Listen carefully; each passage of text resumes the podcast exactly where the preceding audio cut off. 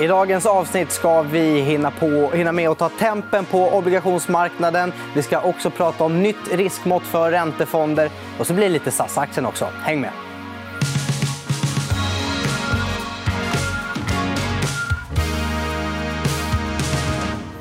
Ja, då säger jag välkommen till Maria Ljungqvist. Hur är temperaturen där ute på obligationsmarknaden egentligen? Ja, det har ju varit eh, ganska het marknad skulle jag säga, större delen av sommaren. Eh, krypit in lite oro på slutet, eh, mot slutet av september. Men är inte räntemarknaden alltid orolig? Så det... ja, eh, traditionellt sett kanske. Men eh, nu när det är så mycket företagsobligationer med i den marknaden så tycker jag nog att ränteförvaltare som skrå har blivit lite mer riskbenägna. Faktiskt. Mm.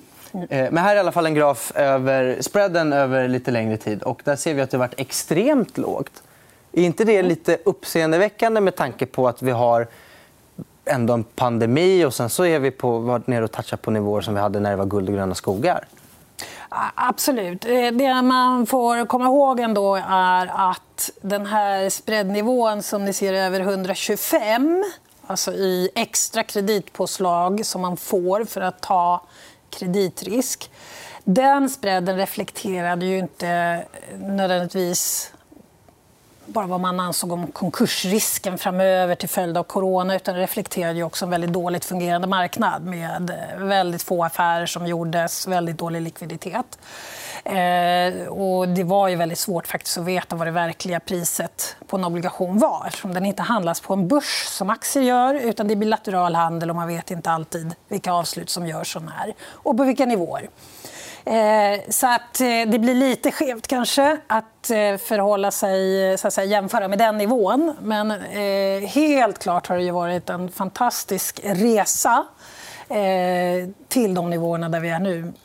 Men ja, det är ju lite dyrt nästan snarare nu om man tänker, betänker att riskerna ändå i ekonomin jämfört med var vi stod i början på mars så har ju riskerna ökat, skulle jag säga. Mm. Sen har det kommit en massa åtgärder som har varit med och eh, påverkat det hela. Ja, bland annat en historisk händelse. Riksbanken köper företagsobligationer. Hur har det påverkat? Ja, eh, det har ju påverkat en del. Jag tror väldigt mycket har ju också berott på att Riksbanken redan nästan direkt satte igång att köpa bostadsobligationer och företagscertifikat som är korta värdepapper eller lånepapper som eh, bolag ger ut.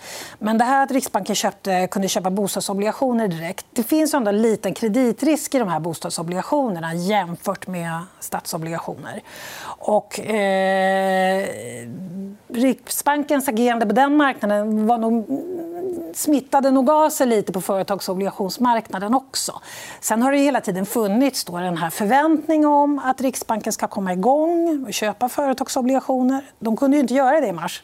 För de hade ju inte, det var ju jungfrulig mark Aha. för eh, Riksbanken. De har aldrig gjort det förut. Eh, som du sa. Och, eh, därför behövde de lite för, förberedelsetid. De har Hur, anlitat... Ta reda på vad de ska göra? Ja, då, de har anlitat konsult och anställt en handlare för det här. och så vidare. Eh, så det blev ju sagt i juni då att de skulle dra igång här i mitten på september.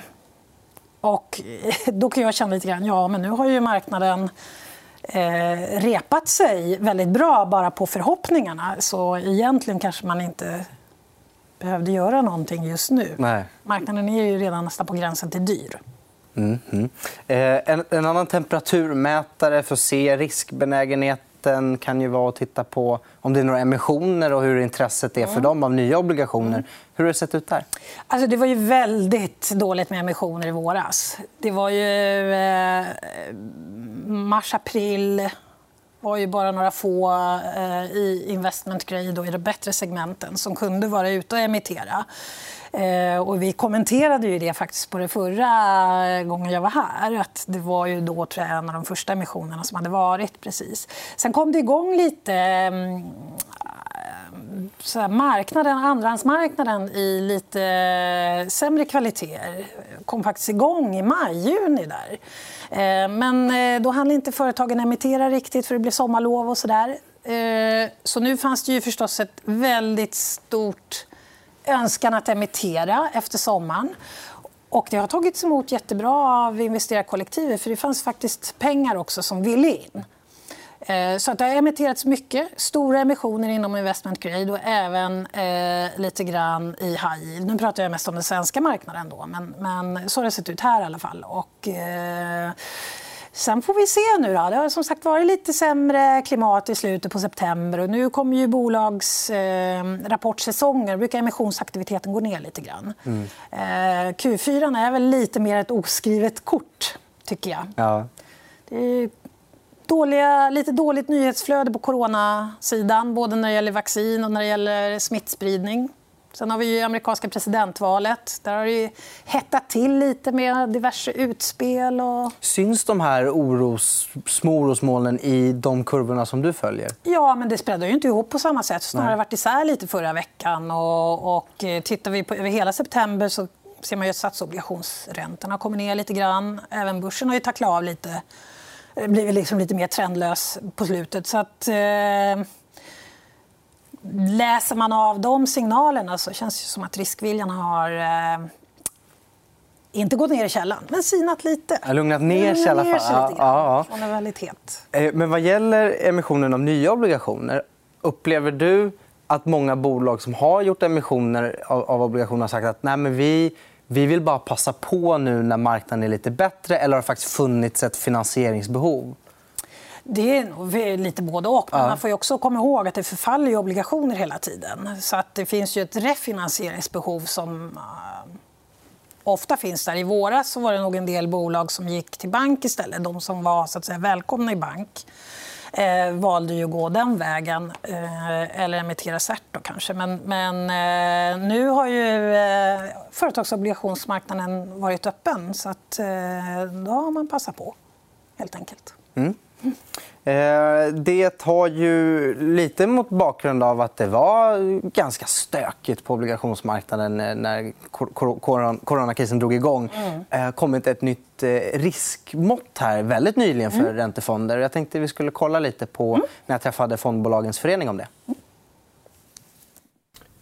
Kan du berätta lite mer om den nya riskinformationen när det gäller räntefonder?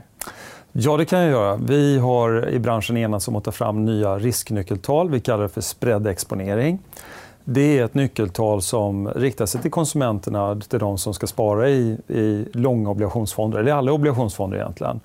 Och nyckeltalet visar hur mycket kreditrisk det finns i fonden. Och det gör det att man kan jämföra olika räntefonder med varandra och man kan också få en, en, beskrivning över den exponering som man har mot att eh, kanske de här kreditrisken värderas om i marknaden. Eh, hur kan spararna använda det här nya måttet? Ja, men det, här, det här nya måttet visar ju då eh, spreadexponering som vi kallar det. Och det är skillnaden mellan statspapper räntan för vad staten lånar upp som man betraktar som riskfritt och räntan för vad företag får låna upp. Och den mellanskillnaden det är en ersättning för kreditrisken, att företaget går omkull men också likviditetsrisk, att det är lite svårare att omsätta de här företagsobligationerna. Och det här kallas för spreaden. Och måttet visar egentligen hur mycket pengar förlorar du om spreaden fördubblas från en dag till en annan. Det händer faktiskt ibland. Alltså, till exempel under den här coronakrisen nu i mars så fick vi se väldigt kraftiga isärspridningar. Och en fond som har då högre spreadexponering än någon annan, har man fyra istället för två, ja, det betyder att det är mera risk. Och nyckeltalet ska tolkas som att du kan är det fyra så kan du förlora 4% avkastning från en dag till en annan om spreaden fördubblas. Så en, en hög spread i ett, en företagsobligation mot ett statspapper visar att marknaden tycker att den här är det mycket högre risk i ja. än i en med lägre spread mot ja, samma papper. Precis. Och, det det, och då kan man säga så här, om marknaden är lugn så ser man inte riktigt det här i volatiliteten eller i rörelserna i marknaden. Men det här kan man säga, du kan ändå fånga den här risken genom den spreadskillnaden och då utgör det liksom så här, en indikation på att här finns det en slags eventrisk. Om det skiter sig så kan de här papperna då eh, spreada isär, som vi kallar det, liksom, gå isär mycket mer och då få en mycket sämre avkastning än vad den kanske risk, det gamla riskmåttet hade visat. Då. Ja, Maria. Mm. Behövdes det här?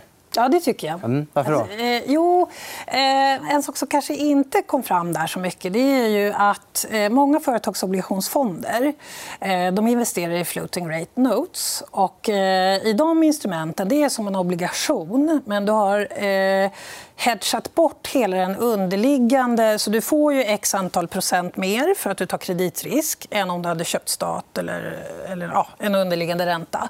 Eh, men i de här floating rate notes eh, om det är en företagsobligation eh, med den konstruktionen, då har man hedgat bort den där underliggande räntan. Så att, eh, förut då kanske en företagsobligation hade samma ränteduration som en statsobligation med samma löptid. Men så är det inte med en floating rate note. Utan du kan ha en, eh, en kreditduration som är 3 och en ränteduration som är 0,2. Eh, och det, det, som vi då har fortsatt att publicera det är hela tiden den här räntedurationen och så har kunden haft svårt att förstå Jaha, men vad har jag för löptidsexponering. För det här med löptiden styr hur stor känsligheten är för rörelser i spreaden. I det här nya riskmåttet så tar man hänsyn till vad du har för löptid i din så säga, kreditspreadsexponering också. Till skillnad från vad räntedurationsmåttet... Nu blev det väldigt tekniskt. Ja, ja, verkligen. Men jag vill ändå säga att det här måttet hjälper ändå kunderna att förstå den delen som vi då inte har informerat lika bra om eller haft liksom ett tydligt och enhetligt riskmått för. Nu får vi ett sånt. Eh, så jag tycker det är positivt. Det blir lättare för kunden att förstå.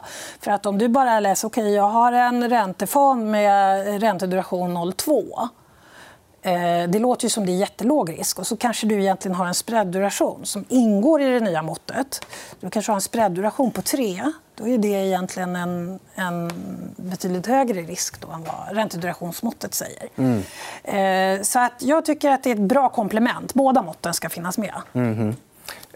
Har det varit problem förut att det inte har synts så tydligt vilken, hur ska man förklara, vilken risk i, sett till finansieringsrisk och kreditrisk som har funnits i respektive fond?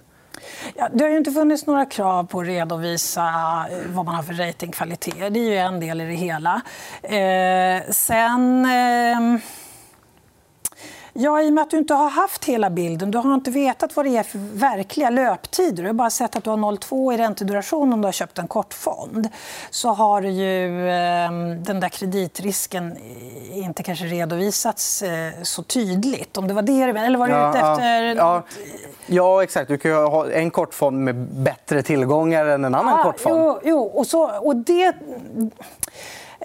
jag ska inte säga att det här riskmåttet löser hela den biten. Utan, utan, men blir det bättre? Ja, men det pågår också ett arbete att vi ska redovisa lite tydligare vad vi har för kreditrisker, även oratade. Men eh, då får det bli vår egen bedömning. Men då redogör vi i alla fall för den på ett tydligare sätt än vad kanske branschen har gjort tidigare. Så det är också en positiv förändring som finns med i det här paketet. Om jag har uppfattat det rätt i alla fall så, mm. så kommer det också komma. Ja, kul. Eh, vi går vidare till en lite längre graf som visar eh, att det har lönat sig att äga företagsobligationer kontra eh, statsobligationer. Men det har varit en lite svängigare resa. Och jag tror att vi har pratat om det lite förut också. Mm. Men jag upplever att det finns en hel del som äger aktier och tänker ja, men jag, har en, jag köper en företagsobligationsfond mm. för att hedga bort min aktierisk eller för att jämna ut den utvecklingen. Men då kanske man tänker lite fel, för det svänger ju företagsobligationer också. Ja, men det gör ju det, och kanske på ett lite annat sätt också, framförallt i den svenska marknaden. Det här är ju euromarknaden. Jag tog det för att jag hade... Jag tog ju fram den här bilden åt er. Och jag, jag hade med... Eh, för att jag hade ett, ett rent statsobligationsindex i euro och ett rent eh, företagsobligationsindex. Eh, ja. då blev de jämförbara i samma valuta. Då. Eh, men Problemet har varit lite grann när du mäter bara via volatilitet som har är det som bestämmer riskklasser som vi redovisar och även Morningstar har haft det som en, en eh, beräkningsgrund. Eh, då har inte företagsobligationer samma beteende som aktier. Det svänger från dag till dag på det sättet. Så att du alltid ser att nu är det lite högre volatilitet och det ofta blir högre volatilitet i samband med att det faller. Eh, företagsobligationer har ett lite annat rörelsemönster men som du såg på den där grafen kan de ju emellanåt falla väldigt mycket under en längre period. Eh, och det får man vara beredd på. Och tyvärr så infaller ju de ofta då när börsen inte går så bra. Eh, och du får ingen föraning då via det här med volatilitet. Och då kommer vi tillbaka till riskmåttet. Att riskmåttet gör det möjligt för dig att förlåt, matematiskt beräkna hur mycket du kan tappa om det här och det här händer, mm. så som Fredrik Nordström berättade där. Eh, så det blir ändå en hjälp. För volatilitetsmåttet har inte funkat så bra. och Det har ju med att vår marknad är lite mindre likvid att göra, bland annat. Och att den är bilateralt handlad. Det funkar inte riktigt som en aktiebörs. Ehm, så att, eh, men, så att även om det går bra under väldigt långa tider så ska man ändå vara beredd på de här sättningarna tycker jag, om man investerar i företagsobligationsfonder.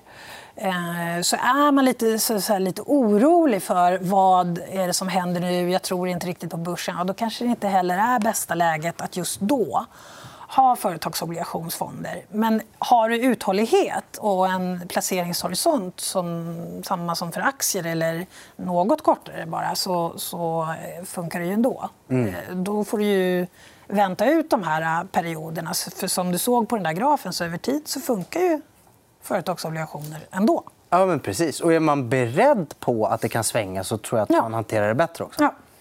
Precis. Och de som gick in där, eh, om man går tillbaka till den här situationen i, i mars, de som gick in där har ju fått en jätte, jättefin avkastning. Ja, verkligen. Eh, vi har en, eh, en grej kvar att avhandla. Mm. Eh, en snackis den här veckan. SAS-aktien som har rört sig både mm. uppåt och neråt och fram och tillbaka och väldigt volatilt. Eh, vad är det som har hänt här egentligen? För här har vi ändå en väldigt intressant grej med det här med, med obligationsägare och finansiering. Ja, jag, faktiskt, jag har inget bra svar på vad det är som händer på börsen. för Jag förstår det inte riktigt. För Vi på obligationsmarknaden prissätter ju en helt annan aktiekurs. Eh, våra obligationer ska ju konverteras till aktier i oktober. Och Varför ska de konverteras till det? Ja, ja. Eh, bolaget behövde mer kapital. Eh, och eh, utöver nyemission då så såg man ju en möjlighet till vad man kallade burden sharing. För huvud, från huvudägarnas perspektiv då ville de att obligationsinnehavarna skulle vara med här och rekapitalisera bolaget.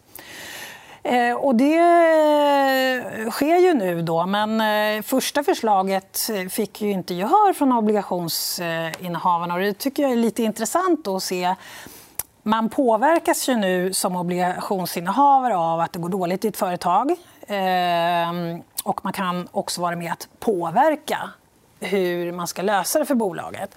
Och I det här fallet kom det ett förslag som obligationsinnehavarna inte gick med på. Ehm, det var eh, bland annat en konverteringskurs till aktier som låg långt under det som aktieägarna får nyteckna på. Mm -hmm. Vilket ju då uppfattades som lite orättvist. Och det var lite andra saker också. Och eh, då fick man komma med ett nytt förslag till obligationsinnehavarna som eh, fick gehör. Och eh, därför har man nu kunnat gå vidare då med ja, bolagsstämma och konvertering och så småningom nyemissionen. Då. Och det här, jag antar att man som obligationsägare helst inte vill konvertera i den bästa av världar. För man, är, man äger obligationer av en anledning istället för aktien. Mm. Men ibland kanske man måste. Ja, I det här fallet så... Om man, ja, man kan ju sälja obligationerna. De handlas ju. Eh, så att man kan ju välja att sälja den nu. Men eh, det beror ju också lite på vad man tror. Dels vad man har för möjligheter i sitt eh, reglemente. Har man en räntefond så kan det ju stå att man får inte ha aktier eller du får bara ha en väldigt liten andel och så vidare.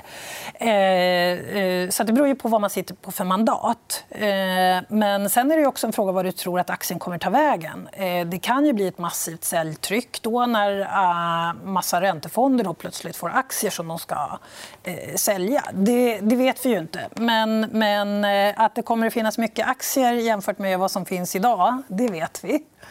Eh, och att obligationsmarknaden prissätter en mycket lägre kurs än vad aktien handlar på. Det vet vi också. Det kan man räkna fram.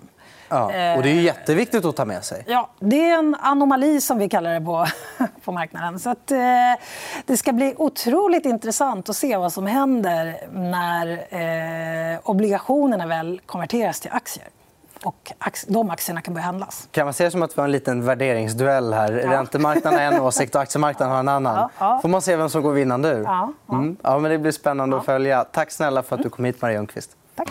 Och det var det vi hade att bjuda på i dagens program. Men frukta icke, vi är tillbaka igen nästa vecka. kan också passa på att tipsa att om du tittar på Youtube, klicka på prenumerera. och Om du lyssnar i din poddapp, lämna gärna ett trevligt betyg. Tack så mycket.